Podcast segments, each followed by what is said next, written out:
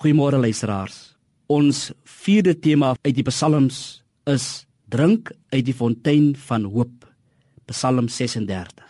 Dit is dikwels wanneer mense stormagtige tye beleef dat hulle moed verloor.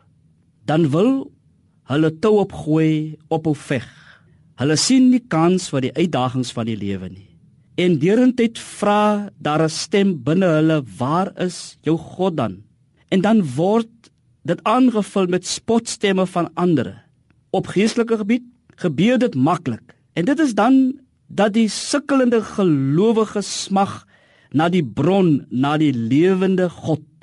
Die volk van die Here was op hulle lewensweg dikwels op trek deur dorre en onherbergsame gebiede.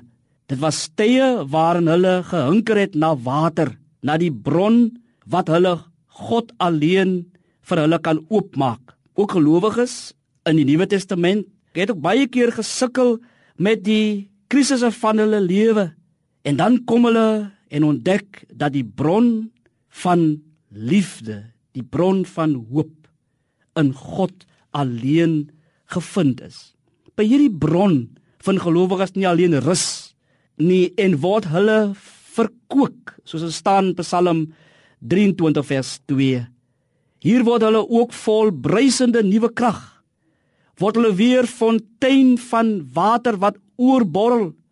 Ook na die ander moe gelowiges word ook uitgereik en ook aangespoor op hulle lewenspad om hulle bron van hoop in Christus Jesus te vind.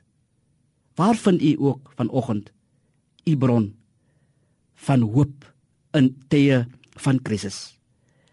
Die psalmdigter wil ons help as hy sê ek weet van 'n bron waar 'n mens kan kom drink van water wat lewenskrag bied. Die stem van die Here het eenmal weer klink Wie dors het, kry water van nie. Die bron van die water is Jesus, die Heer. Sy dood maak ons lewe ons deel. Die stroom van genade wat niemand kan keer, vloei voort met krag wat kan heel. Die bron voed 'n onwankelbare en vaste hoop.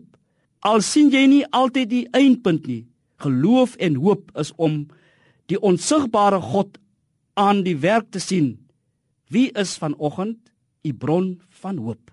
Amen.